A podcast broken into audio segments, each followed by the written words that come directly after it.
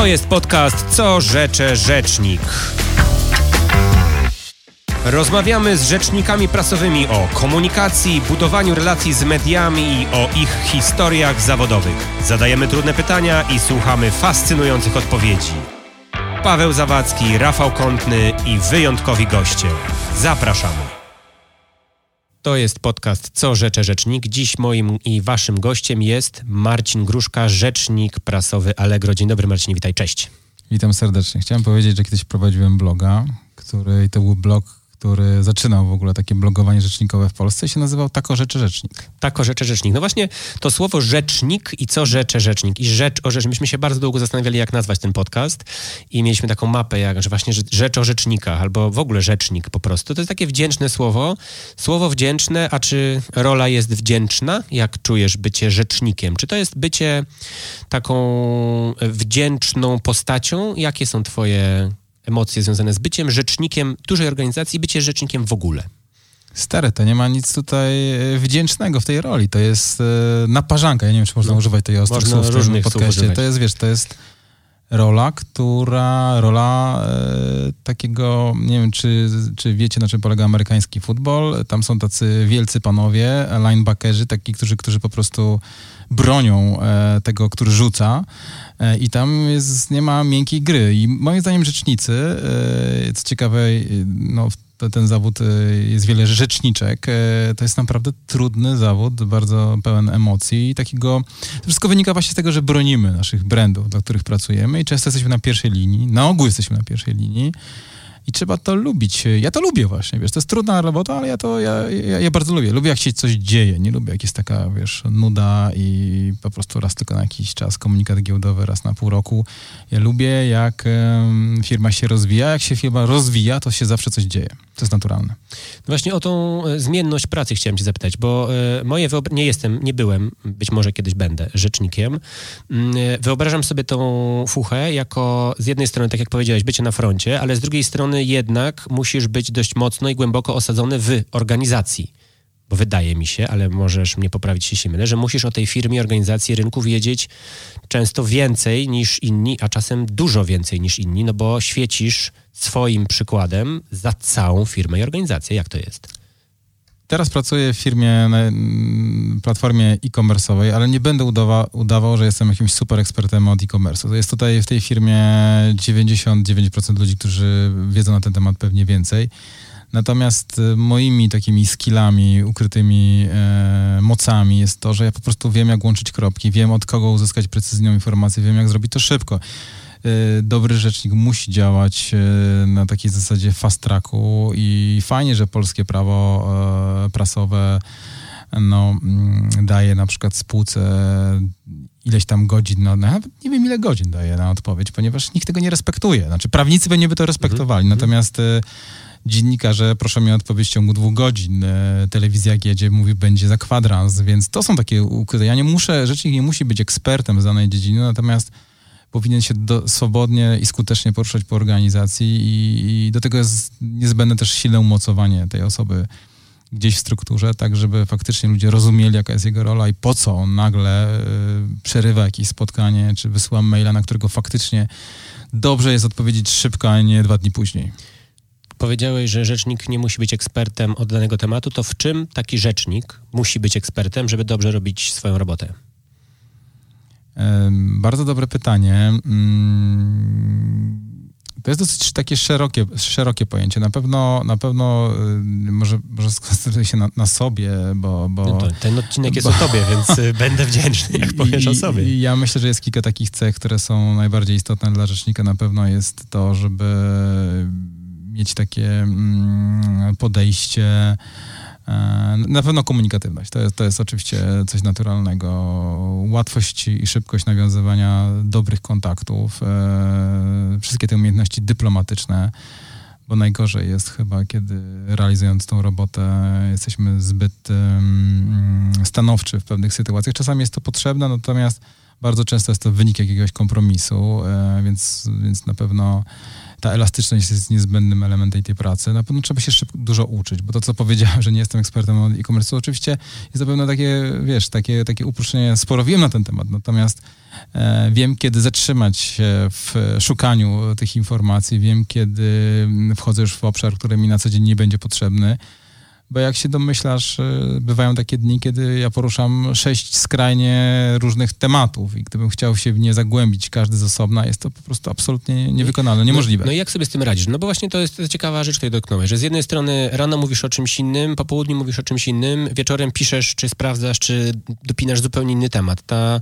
wielowymiarowość musi być ekstremalnie trudna. To chyba dość łatwo takie przemęczenie mózgu. Ja sobie wyobrażam to tak, że ten twój, te twoje zwoje muszą być nie, nie, nieskończone w pewien sposób, no bo cały czas na coś odpowiadasz, cały czas jesteś w jakimś intelektualnym ruchu. Dlatego y, najgorzej być rzecznikiem takim y, samotnym wilkiem mm. w organizacji, tylko warto mieć silny zespół y, ludzi, którzy cię otaczają, którzy cię wspierają i i tam bardzo często są zupełnie inne e, kompetencje potrzebne. Ja na przykład mam ludzi, którzy mają bardzo taki analityczny, poukładany umysł. Ja wiem, że oni mi na, na czas dostarczą bardzo precyzyjnie już przemyślaną, przygotowaną e, odpowiedź, więc ja nie muszę zbyt dużo czasu na to tracić. E, no, e, ja jestem bardzo elastyczny, ale znam też e, koleżanki i kolegów, którzy są bardzo systematyczni i poukładani. Mnie życie, moja praktyka nauczyła, że tutaj jest e, bardzo dużo zaskakujących sytuacji, spontanicznych sytuacji. Ma to też zły wpływ na przykład na moje urlopy, e, bo sytuacja jest bardzo dynamiczna. Ja, ja jestem świadomy już tego, że tego przegrzewania tych, tych, tych zwojów po tych wielu latach pracy w tym zawodzie. No i szukam takich e, opcji, żeby, żeby, żeby odpocząć. Natomiast e, faktycznie mm, rzecznik, bo mówimy o rzeczniku, a nie o PR-owcu, bo to, są, tak. to, to, nie zawsze nie oznacza to samo. No, tutaj naprawdę trzeba trzymać rękę na pulsie i Chociażby na przykład teraz mamy sytuację, gdzie wszyscy pytają nas, dosłownie dostaliśmy kilkadziesiąt pytań dotyczących e, karnistrów. W ogóle temat karnistrów się zrobił strasznie modny i musisz analizować, co się dzieje w mediach, co się dzieje w, na portalach społecznościowych na ten temat.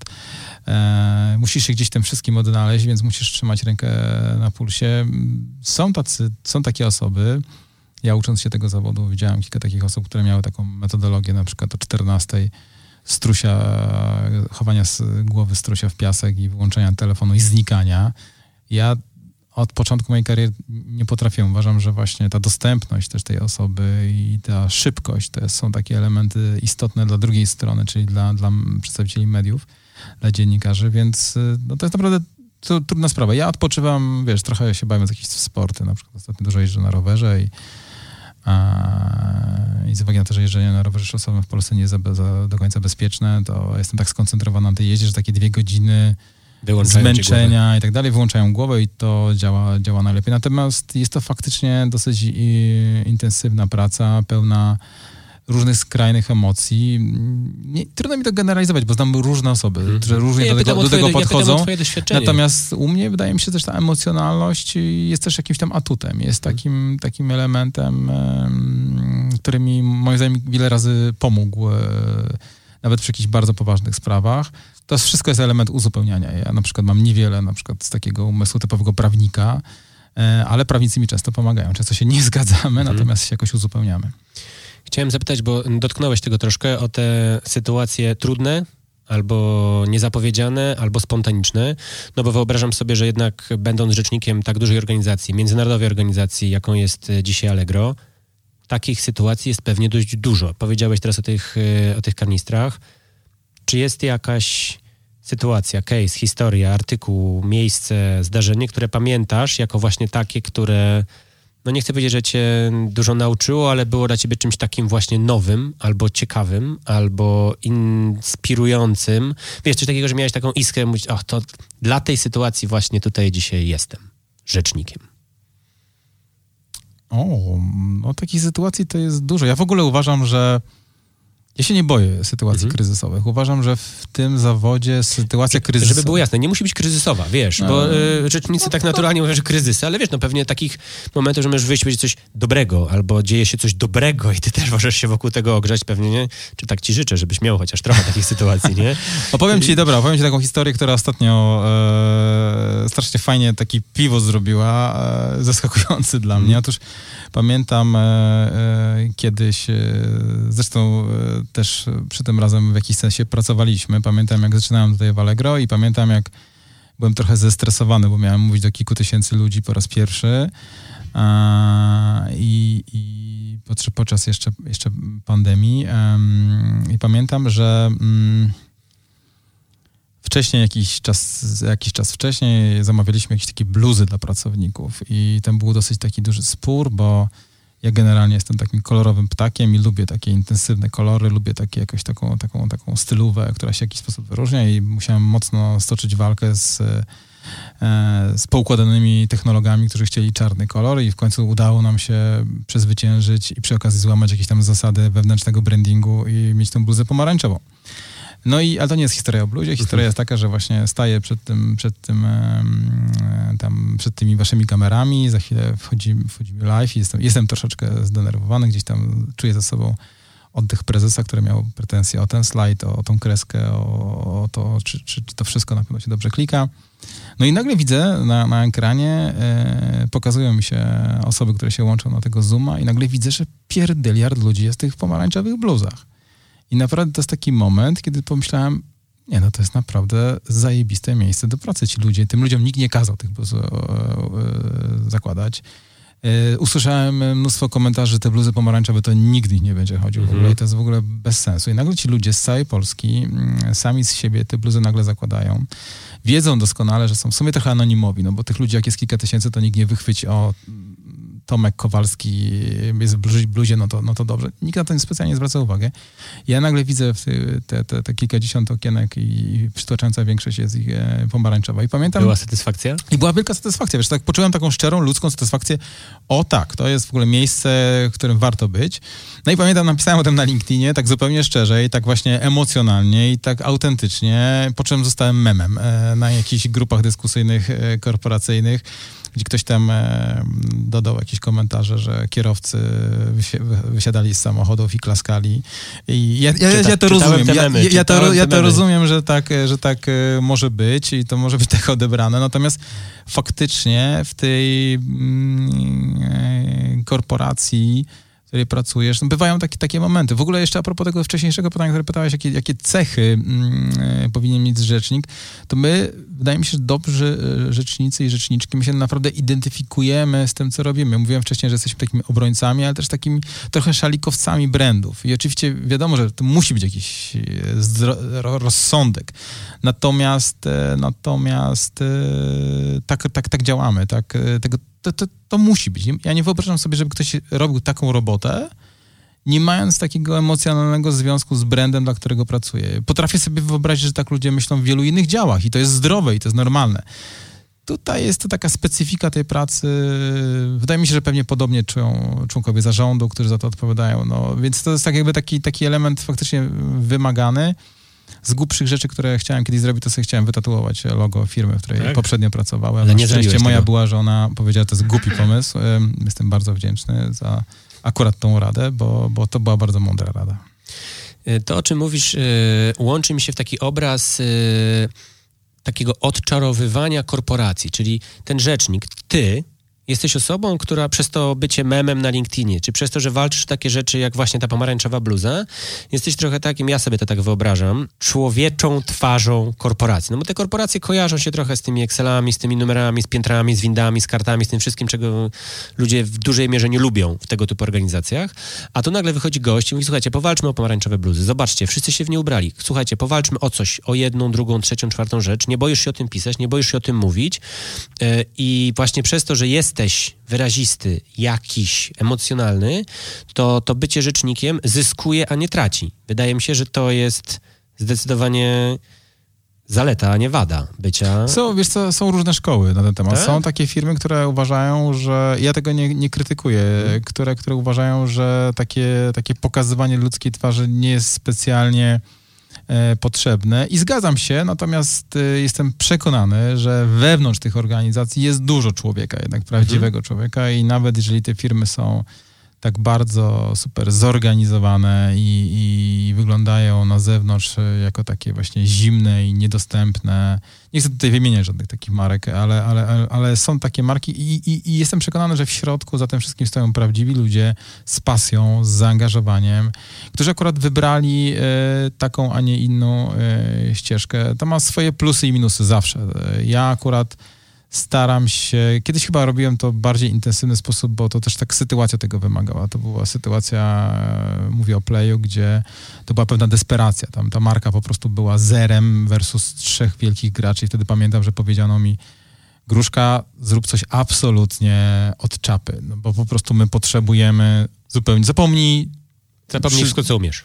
Tak, dokładnie, wszystko, co się nauczyłeś, wszystkich tych narzędzi, wymyślaj, twórz, eksperymentuj, ale po prostu działaj, że każdy centymetr, jaki się przesuwamy we właściwym celu, to nam, nam pomaga. I wtedy na przykład to było potrzebne. Ja zupełnie inaczej dzisiaj tutaj pracuję i zdaję sobie sprawę, że w Allegro też są inne potrzeby, już tego akurat e, tak na pierwszą kartę nie stawiam, no, natomiast nie wyobrażam sobie, żebym pracował w miejscu bez takiego zaangażowania i bez tego ludzkiego czynnika. I często słyszę też od, od moich kolegów, menadżerów, e, e, menadżerek, od prezesa też często słyszę, że, że właśnie dobrze, że mam taki trochę ludzki punkt widzenia na pewne sprawy, ponieważ pamiętajcie, że w ostatnio widziałem taki fajny rysunek, że w komunikacji niezwykle ważna jest informacja, natomiast ona jest fajnie tak po, na tym rysunku, który widziałem, jest tak po, po m, przeplatana empatią. Mhm.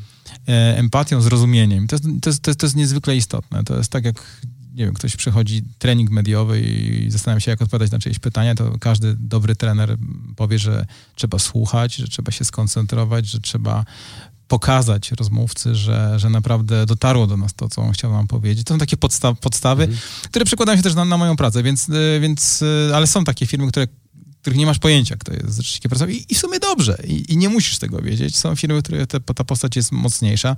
Wszystko zależy od strategii. To też wydaje mi się, że mamy bardzo dobrych na polskim rynku specjalistów od tej dziedziny, którzy się, wydaje mi się, że odnaleźliby się w różnych takich sytuacjach. Wszystko zależy od strategii. Ja chciałem zapytać trochę o ciebie i o twoje y, doświadczenia, bo rozmawiamy w tym podcaście z różnymi rzecznikami. Mamy za sobą już kilka rozmów i zadaję zawsze takie pytanie, tobie również się później zadam. Kto jest osobą, której się uczysz? Kto jest jakimś takim branżowym guru? Kto robi waszą robotę dobrze? I wszyscy powiedzieli Marcin Gruszka. Marcin Gru... Ja nie wiem, co on dzisiaj robi. Były takie dwa obozy. Nie znam typa, nie znam Je... typa. Nie, nie, nie, nie, nie. Właśnie chodzi o to, że widzisz, że jedni mówili, wiesz co, ten rzecznik, on, on był, nie pamiętam jak się nazywa, najpierw był w Playu, teraz jest w Allegro, a druga grupa była Marcin Gruszka. Nie wiem, co on dzisiaj robi, ale to jest rzecznik, wiesz, że jakby niezależnie od tego, czy chodzi o twoje nazwisko, czy chodzi o twoją firmę, to chodzi o ciebie. I oni wskazywali właśnie tą twoją postać jako kogoś, od kogo warto się uczyć, jako kogoś, kto tę, to rzecznictwo trochę odmienił. Wydaje mi się, że to chodzi o to, o czym ty wspomniałeś, że jesteś tą osobą, która jest blisko, która daje tą ludzką twarz, która daje te emocje, ale jestem ciekaw, jak tobie się wydaje, dlaczego oni tak powiedzieli.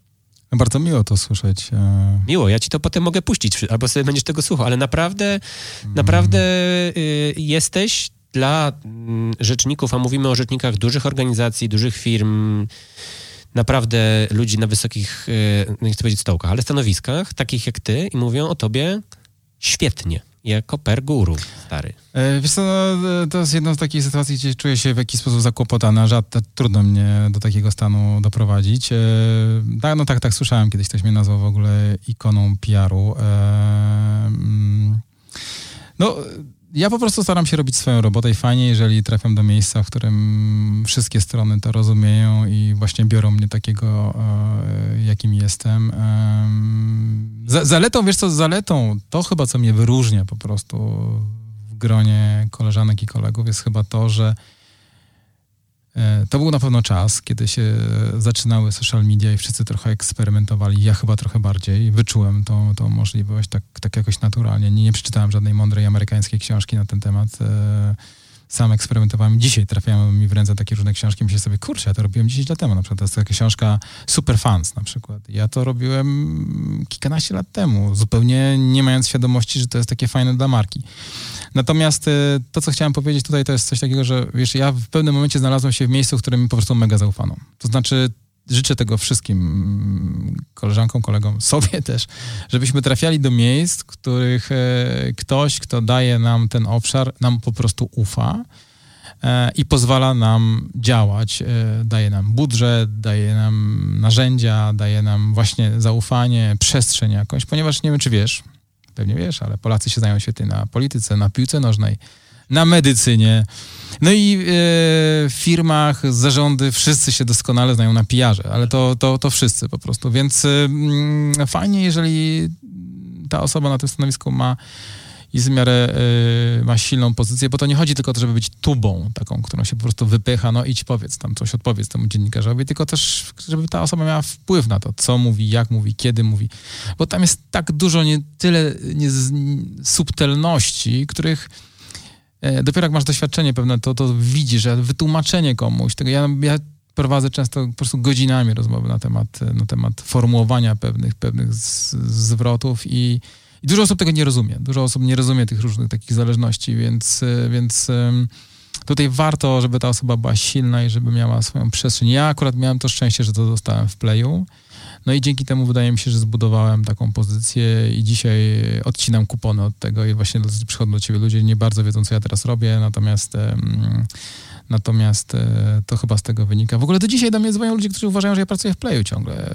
E, I też dziennikarze niektórzy. Ostatnio była jakaś tak sytuacja w Sejmie z jakimś rok temu na przykład z, z, iPadami. Też wszyscy do mnie komentatorzy sejmowi dzwonili, o co chodzi z tymi iPadami. W ogóle to jest niezwykłe po prostu. E, to też jest złe, wiesz. To też jest złe, bo jesteśmy jednak profesjonalistami i to takie, ten związek z marką to właśnie ten tatuaż, który ci mówiłem, to powoduje, że no, no nie, jesteś zawodowcem. Dzisiaj jesteś tutaj. E, ja jestem, ja jestem wdzięczny w pewnym momencie na przykład Stefanowi Bator, e, Batoremu, że pozwolił mi na chwilę popomagać mu w startupie. To było bardzo świeże. Akurat niestety uderzyła nas pandemia z hukiem. Natomiast to było bardzo ciekawe doświadczenie. E, w Allegro teraz też zupełnie jestem w innej nowej branży, więc no, właśnie to, czego się nauczyłem przez te wszystkie lata, że trzeba mieć w pewnym momencie taki, jednak zachować pewien dystans z tym zaangażowaniem za tą marką, bo ja kiedyś naprawdę byłem takim ultrasem playa w ogóle. Ja, bym, ja wymyśliłem te wszystkie kolory, te barwy, malowanie twarzy, w ogóle jakieś takie przedziwne rzeczy. E, ten blog mój, który prowadziłem przez wiele lat też bywał agresywny, ale co, co jest absolutnie, wydaje mi się, niewiarygodne, ale naprawdę czytało go miesięcznie ponad 100 tysięcy ludzi. Więc jak na takie medium e, korporacyjne jednak, co by nie mówić, to, to, to, to bardzo duże czytelnictwo było. A to tylko dlatego, że ja nie konsultowałem tego z, ze sztabem marketingowców, e, prawników e, i innych sytuacji, tylko po prostu pozwolono mi eksperymentować. Czasem dostałem za to po głowie, muszę przyznać, i to też trzeba uważać. Czasem niewiele potrzeba, jak jest osoba tak właśnie wystawiona mocno z przodu. Naprawdę mm, możesz być zaskoczony, jaki jest efekt tego w mediach i dlatego też rozumiem, że dużo osób jest bardzo zachowawczych w tym zakresie. Ja akurat miałem jasno, jestem brief określony, ja mam po prostu strzelać e, z kałasznikowa komunikacji, gdzie się tylko da, na lewo i prawo, byle w, do, w dobrym kierunku, mniej więcej, e, przed siebie, o tak, może. E, i, i, chyba zrobiłem e, kawał dobrej roboty. Bardzo mi miło, jak czasami ktoś mówi, że, że ta marka dzisiaj jest tak silna i że ja miałem jakiś swój, swój udział. Oczywiście jest to duże uproszczenie, bo tam armia ludzi na to pracowała w różnych obszarach. Zawsze tak jest. E, no ale ja jestem ten, którego wypychają do tego, żeby się tłumaczył, ale też jestem do tego, żeby przyjmować ordery, taka, taka, taka rola i, i jestem zawodowym odbieraczem nagród na przykład, jak to wszyscy rzecznicy chyba, którzy to słyszą, to, to wiedzą o co chodzi, że my musimy zawsze być w pełnej gotowości, żeby jechać na koniec Polski, odebrać jakąś bardzo miłą nagrodę, um, więc z jednej strony przyjmujesz ciosy, z drugiej strony pochwały i stąd być może trochę osób gdzieś tam kojarzy cię z jakimiś pewnymi sytuacjami. Ja tak powiedziałem, to zawsze jest sztab ludzi. Po pierwsze, mm, przykro mi, że cię wystawiłem na zakłopotanie, bo to w ogóle nie o to tutaj chodziło. Mm, wydaje mi się, że to, co powiedziałeś, dotyka wielu różnych rzeczy. Ja chciałem dotknąć tej swobody pracy, bo wyobrażam sobie dzisiaj, wiesz, że są ludzie w różnych organizacjach, w działach komunikacji, nie rzecznicy, ale osoby, które pracują przy działach komunikacji, PR-u, no zależnie od tego, gdzie ten rzecznik, czy to rzecznictwo jest. I bardzo by chcieli robić te fajne rzeczy. Bardzo by chcieli robić te kolory, robić te plamy, malować te twarze, robić pomarańczowe bluzy w swoich organizacjach. I kurde się nie da, bo dzisiaj, tak jak mówisz, jakiś prawnik im powie, że wording jest zły, ktoś im powie, że bloga to oczywiście, ale to nie możesz prowadzić. Tutaj na YouTubie to ostrożnie, na TikToku to nie można.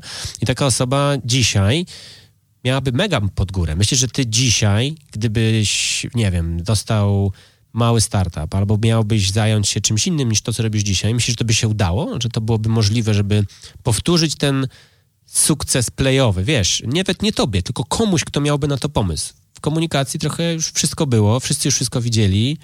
Jak to oceniasz? Bo to, wiesz, żyjemy dzisiaj, to jak, jak stare dziady powiemy, żyjemy dzisiaj trochę w innych czasach niż 15 lat temu. Wiesz co, moim zdaniem e, to nie jest zamknięty katalog. To wszystko zależy od, e, od konkretnej sytuacji, od konkretnej strategii.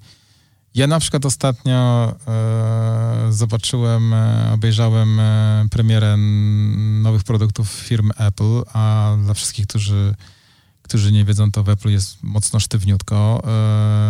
Fajne produkty, ale jest mocno sztywniutko. E, I pokazali film mm, e, omawiający raport ESG w tak kreatywny i super sposób. I wiem, że niektórym ludziom się to nie podoba, natomiast ja jestem absolutnie zachwycony. Wreszcie zobaczyłem coś z tego obszaru ESG, takiego, które jest dla klienta fajne, przyjazne. Nie wiem, czy widziałeś, tam Matka Przyroda widziałem, tam, widziałem, tam odwiedziła zarząd i Tim Cook musiał się grzecznie tłumaczyć ze wszystkiego. Super w ogóle. I to jest właśnie, wydaje mi się, to jest taki przykład takiej kreatywności świeżutkiej, gdzie, gdzie ludzie jacyś, którzy zajmują się codziennie jakimś pewnie takim schematycznym schematycznym, e, e, są, są schematyczni w swoim podejściu, nagle postanowili zaszaleć i ktoś ich posłuchał i kupił i uwierz mi, to wcale nie jest takie proste mm, namówić CEO, żeby troszeczkę takiego głupka, głupka poudawał przed kamerą i to zobaczy CEO, miliony to osób.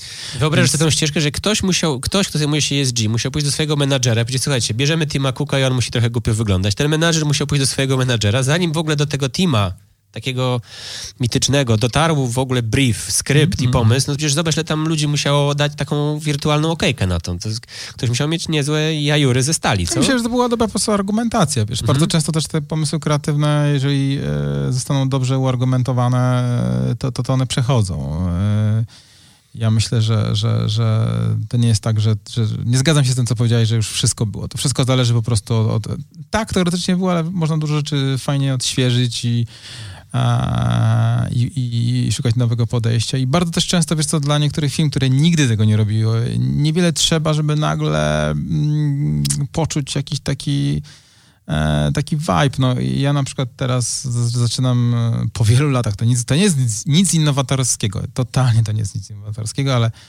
wreszcie wpadliśmy taki pomysł, a Gruszka, wiesz, to załóż e, swojego TikToka, jakiś tam kanał TikTokowy. Ja wiem, to nie jest żadna innowacja, natomiast powiem wam, że Jestem niezwykle e, zaskoczony, jak to zostało dobrze przyjęte w organizacji. Może nawet nie na zewnątrz, ale w organizacji. A jeżeli zostało przyjęte dobrze w organizacji, to też warto.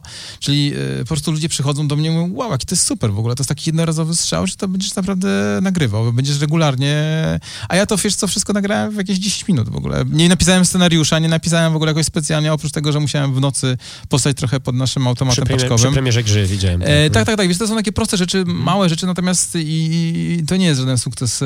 Nikogo to nie będę oszukiwał, że to nagle jakieś tam zasięgi wykręciłem. No niestety nie, może kiedyś. Mam, to, traktujemy to jako eksperyment, ale, ale szukam. Natomiast reakcja ludzi w organizacji robi taką robotę właśnie. To jest taki moment, ej, no nagle się okazuje, że to dużo osób widział w firmie, bardzo pozytywne komentarze. Tak jakby to, wiesz, wszyscy to chcieli zrobić, mhm. tylko nikt nie podniósł ręki, bo przecież u nas jest mnóstwo super kreatywnych osób, młodych osób, dla których TikTok jest naturalnym. Ja jestem starcem po prostu, ja na tym TikToku to jestem w ogóle, wiesz, dziadzia gruszka, no, a, a, a mm, a jednak y, fajnie, fajnie to, to, to zostało odebrane. No miejmy nadzieję, to nam się pieniądze znalazły na wsparcie te komunikacyjne, re, reklamowe, więc być może i przełoży się to w jakimś czasie na jakieś zasięgi. Natomiast zawsze trzeba, trzeba eksperymentować. Natomiast to, co powiedziałem wcześniej, to jest to, to, to ta pozycja wymaga takiego uzyskania takiego zaufania osób decyzyjnych.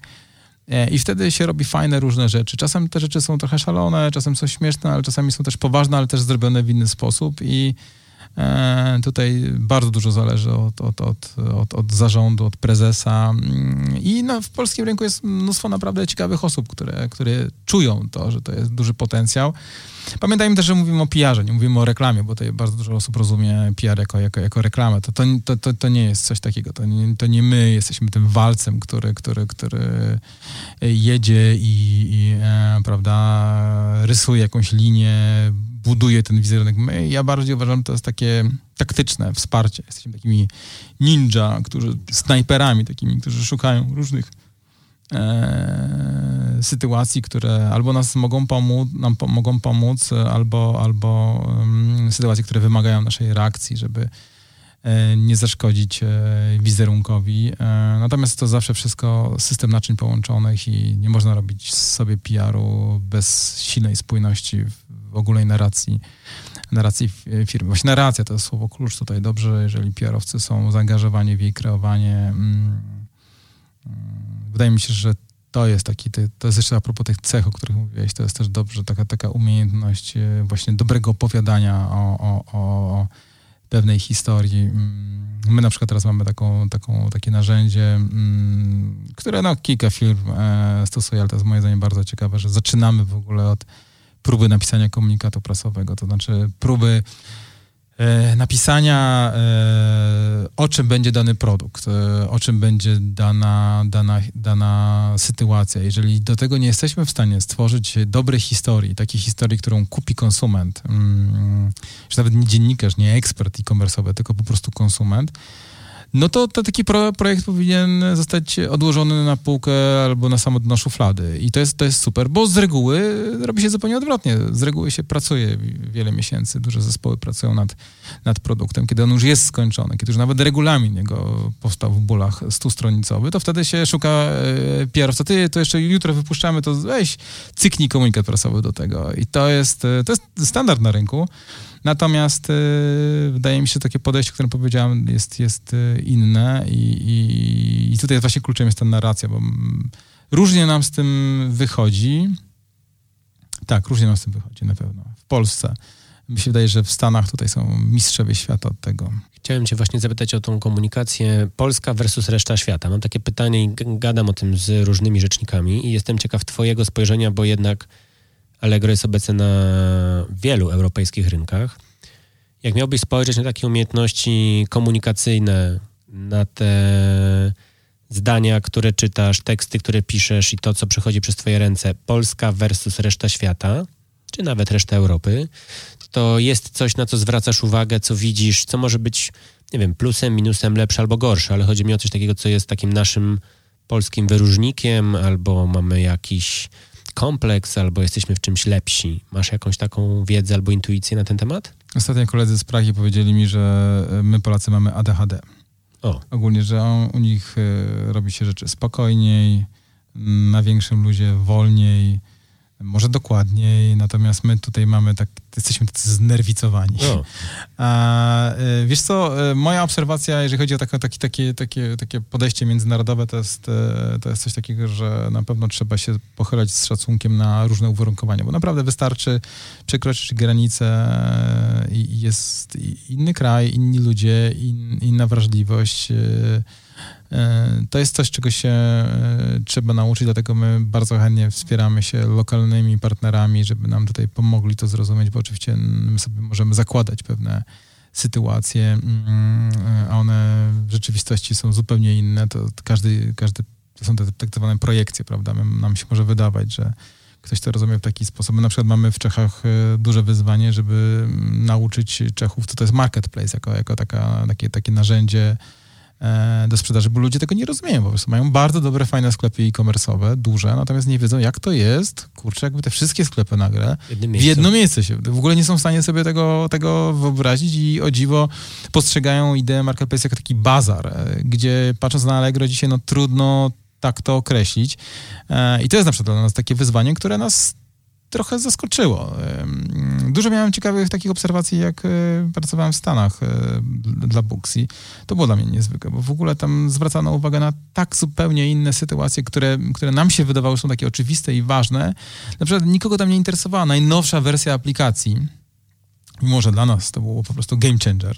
Natomiast bardziej ich interesowało, jak ludzie korzystają z tej aplikacji. Ważniejsza była, był komentarz e, użytkownika, hej, ja dzięki tej technologii, tej cholernej technologii, bo tam dużo ludzi coraz mniej lubi te wszystkie wielkie technologie, ja mam więcej czasu dla rodziny, Czyli tak z daleka od technologii, prawda? Że ja mogę odłożyć telefon, bo klienci się zapisali, ja nie muszę spędzać dwóch godzin jeszcze wieczorem na obdzwonienie ludzi wpisanie do książki, tylko ja mogę z dzieckiem pójść na spacer i to jest właśnie game changer. I to jest strasznie ciekawe właśnie, że tam ludzie zwracają uwagę na taką sytuację, a nie na to całe zaplecze technologiczne. Pamiętam kiedyś taki tekst e, w The Sun, na okładce, uważaj, e, to naprawdę z punktu widzenia PR-u to, to duży sukces, który osiągnął e, zespół pracujący nad takim polskim niesmartfonem Mudita, bo tam był fajnie w tytule, to jest smartfon, który poprawi ci życie seksualne. I tam nie było mowy w ogóle o tych wszystkich parametrach, jaka tam bateria jest, czy ten ekran jest taki, czy siaki, czy owaki. Po prostu wynikało z tego tekstu, że ten telefon spełnia naj, te najbardziej podstawowe funkcje i przez to, że nie masz tam zainstalowanych tych wszystkich kolorowych aplikacji, światełek i tak dalej, tak po prostu go odkładasz wcześniej. On tam ci zanuci jakąś kontemplacyjną muzykę i nagle o 22 jesteś, wiesz, w super nastroju do, do snu. I to było dla mnie ciekawe, jak byłem w Stanach, bo tam e, na, e, na spotkaniach towarzyskich E, nikt specjalnie nie rozmawiał na temat Tindera czy jakichś innych dziwnych aplikacji, Instagramów i tak dalej, tylko wszyscy gadali o, o tym, jak śpią, jak, jak odpoczywają, jak medytują. Młodzi ludzie. I to było dla mnie takie, tam było zmęczenie, takie zmę, silne zmęczenie technologii. I to jest właśnie coś takiego, co odpowiadam na twoje pytanie, bo trochę za daleko poleciałem za ocean nasz, e, że, że trzeba, robiąc pierwszy, trzeba być świadomym tych takich uwarunkowań, że w każdym państwie, w każdej grupie w zasadzie chodzi o, troszeczkę o coś innego. E, I, I, to musi być odzwierciedlone w naszej narracji. Czasem ta narracja musi być po prostu zaskakująca, musi za, być zaskakująca, ponieważ e, to w swojej pracy wielokrotnie widziałem, że te wszystkie takie zaplanowane akcje, wiesz, przemyślane, e, wynikające ze strategii, odnoszą mniejszy lub większy sukces, a nagle jakaś taka sytuacja boczna, przypadkowa, zupełnie spontaniczna, nagle może zrobić, e, wiesz, olbrzymią robotę, dobrą albo złą. E, I, i tutaj znowu się przydaje ta elastyczność, takie podejście do pracy, żeby wykorzystywać to jako, jako okazję. Ja nie pozwoliłeś mi powiedzieć o tej sytuacji kryzysowej, tylko ci chciałem powiedzieć, że dla mnie sytuacja kryzysowa to jest taki właśnie taka, taka szansa trochę, jak mam czasem studentom pokazuję jakieś, um, uczę, uczę czy tam pokazuję, opowiadam o PR-ze, to zawsze pokazuję te, te, te, te drzewa, takie te wysokie sekwoje w Stanach, które zawsze były gaszone tak od razu, jak tylko się coś tam zaczynało, bo, bo, bo była taka, taka psychoza, że, że, że z tego tytułu będą pożary. Zresztą niestety czasami tam e, bywają poważne e, pożary. Natomiast e, legendarni amerykańscy naukowcy stwierdzili, że podczas tego, wiesz, tego jak tam się płon, płon, płoną te, czy tam tli, tlą się te te, te, te korony tych drzew, to następuje otwieranie zarodników i rozmnażanie tych drzew. Więc tak naprawdę oni próbują to koordynować, kontrolować w jakiś sposób, ale jednak pozwalają, żeby ta natura coś tam e, ze sobą robiła. I tak jest trochę sytuacją kryzysową. Bardzo dużo sytuacji kryzysowych, akurat Allegro jest taką, wydaje mi się, fajną przykładem spółki, która się ciągle uczy. To znaczy właśnie to, jeżeli popełniamy błędy, a każdy popełnia błędy, mam nadzieję, że tego mój szef nie będzie słuchał, a każda organizacja popełnia jakieś błędy czasu do czasu, to potrafi z tego wyciągać jakieś wnioski, znaczy potrafi, e, nie, nie, nie od razu szuka winnych, tylko tak naprawdę zastanawia się, co poszło nie tak e, i też to jest też na PR ma przełożenie, bo wydaje mi się, że PR też mają często problem z przyznaniem się do jakiegoś błędu, z przeproszeniem, bo na przykład to jest takie słowo, które wywołuje takie dużo emocji w tym środowisku, że firma coś, firma coś zrobi dziwnego i czy my możemy powiedzieć przepraszam. Ja naprawdę widziałem słyszałem wielu PR-owców, którzy uważali, że mówienie przepraszam to, to, jest, to, to, to jest cecha e, pokazująca słabość organizacji, gdzie moim zdaniem w wielu moich sytuacjach kryzysowych takie proste, przepraszam, ale szczere, robiło robotę całą. I to może być sztab tutaj, możesz wezwać sztab analityków, e, największych mistrzów od, od spinowania sytuacji, agencji międzynarodowych, sieciowych, i takie, przepraszam, czasem wystarczy. Zmierzając do brzegu naszej rozmowy, chciałem Ciebie, Marcinie, zapytać o to, gdzie Ty szukasz inspiracji, gdzie Ty się uczysz i kto dla Ciebie jest taką osobą, którą obserwujesz, oglądasz, słuchasz i myślisz sobie, ten gość albo ta gościni robi to dobrze. W kontekście właśnie rzecznikowania, komunikacji, bycia taką mm, odpowiednią osobą na odpowiednim miejscu. Może być w Polsce, może być za granicą. Jestem ciekaw Twoich ścieżek inspiracyjnych. Kurczę, mam problem z odpowiedzią na to pytanie, bo y, nie śledzę żadnych guru od, od PR-u czy od marketingu. Oczywiście przeczytałem mnóstwo książek na ten temat. Y, przy niektórych się strasznie wynudziłem.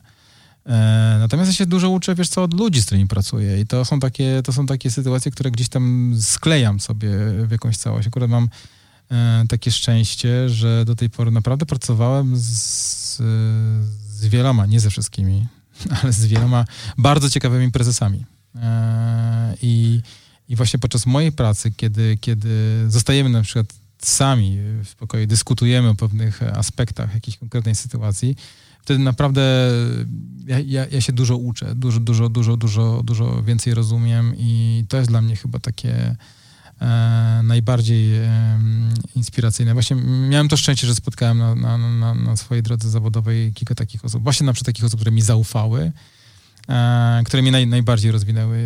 Jeżeli chodzi o taki, taki warsztat PR-owy, to na przykład z dużym zainteresowaniem obserwuję służby prasowe amerykańskich e, prezydentów. To jest dosyć ciekawy, ciekawy rynek w ogóle, to co się tam dzieje też. Te konferencje prasowe są, są, są bardzo ciekawe.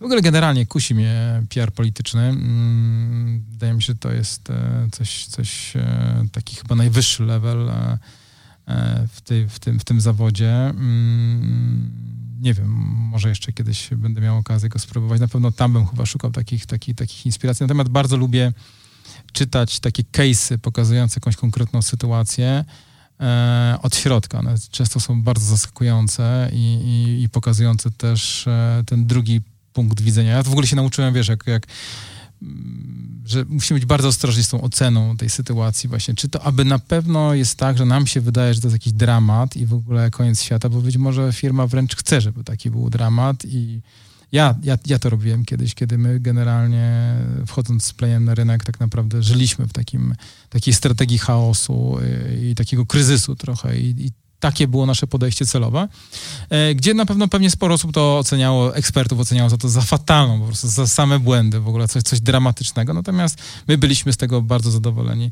E, więc e, czytam, szukam, lubię takie case'owe książki, gdzie, gdzie jest mm, pokazana jakaś konkretna sytuacja, na przykład ostatnio czytałem książkę o, o, o, Samsungu, gdzie tam było dosyć dobrze przeanalizowane, jak to z punktu widzenia komunikacyjnego wygląda sytuacja z tymi z tymi smartfonami. Mm, już nie chcę poruszać tego tematu, bo jak Olaf to będzie słuchał, to, to się zdenerwuje.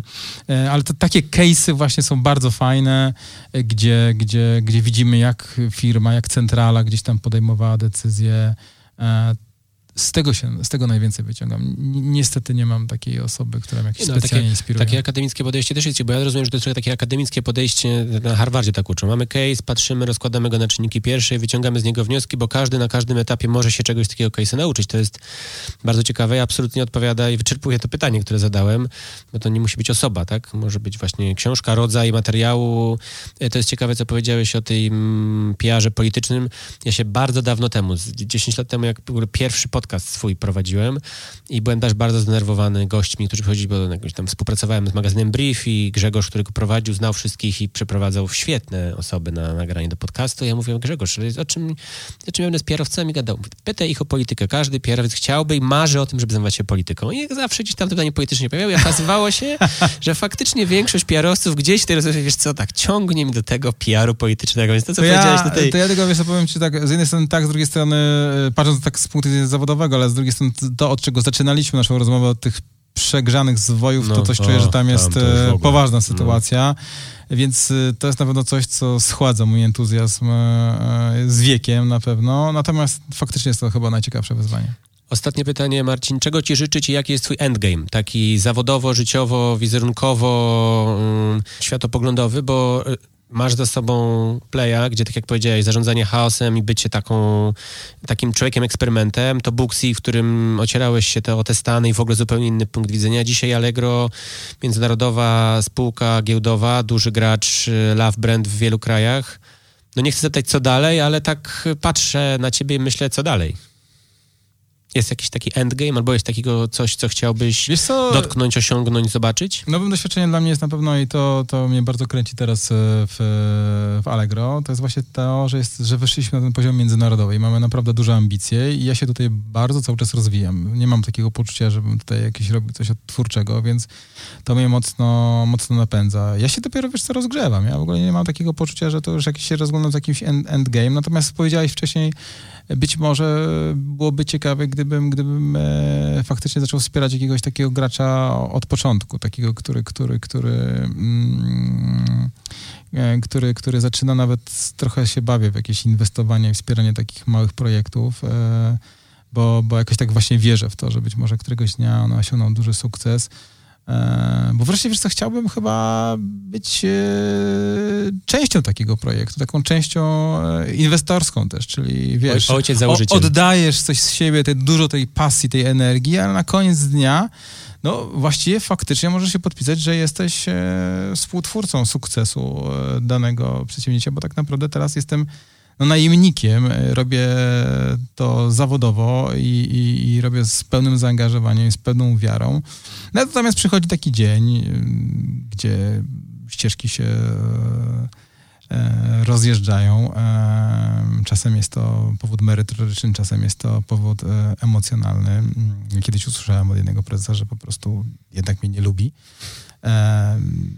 Ja też są swoją niewyparzoną gębą też mu powiedziałem, że w sumie to ja też cię nie lubię. No i no i, no i wyszedłem no, z, pudełkiem po pięciu minutach, no, e, więc, więc mhm. e, no tutaj nie chciałbym, takich, nie chciałbym takich sytuacji, bo tak jak powiedziałem ci wielokrotnie podczas tej rozmowy, e, ja i pewnie mówię w imieniu wielu osób, naprawdę się mocno angażujemy w te sprawy i traktujemy to bardzo serio i bardzo poważnie. Mm, I no, dobrze, żeby to, żeby coś z tego wynikało też. Więc taki mój plan, moje jakieś takie marzenie, może nie plan, bo to jest raczej marzenie, że właśnie nie czuję, żebym już powiedział ostatnie słowo, ciągle, ciągle mnie to kręci, ciągle się uczę, ciągle się rozwijam, natomiast y, kiedyś tak chyba faktycznie chciałbym taką pętlę zrobić e, właśnie w postaci może robienia czegoś bardzo małego, natomiast też trochę dla siebie. Marcinie, tego ci życzę. Myślę, że i ja, i całe środowisko i branża na pewno zauważą tą pętelkę i to, co będziesz budował. Bardzo dziękuję Ci za rozmowę. Trzymam kciuki za rozwój zarówno tu w Allegro i samego Allegro, bo widzę, że Allegro idzie jak burza nie tylko w Polsce, ale na tych rynkach międzynarodowych. Dziękuję, że znalazłeś czas na tą prawie godzinną rozmowę. Myślę, że Ola no się na pewno, na pewno się nie obrazi. E, jeszcze raz e, bardzo, bardzo dziękuję i cóż, do zobaczenia, do usłyszenia przy kolejnej możliwej okazji. Bardzo dziękuję za rozmowę. To był podcast Co Rzecze Rzecznik. Do usłyszenia w kolejnych odcinkach.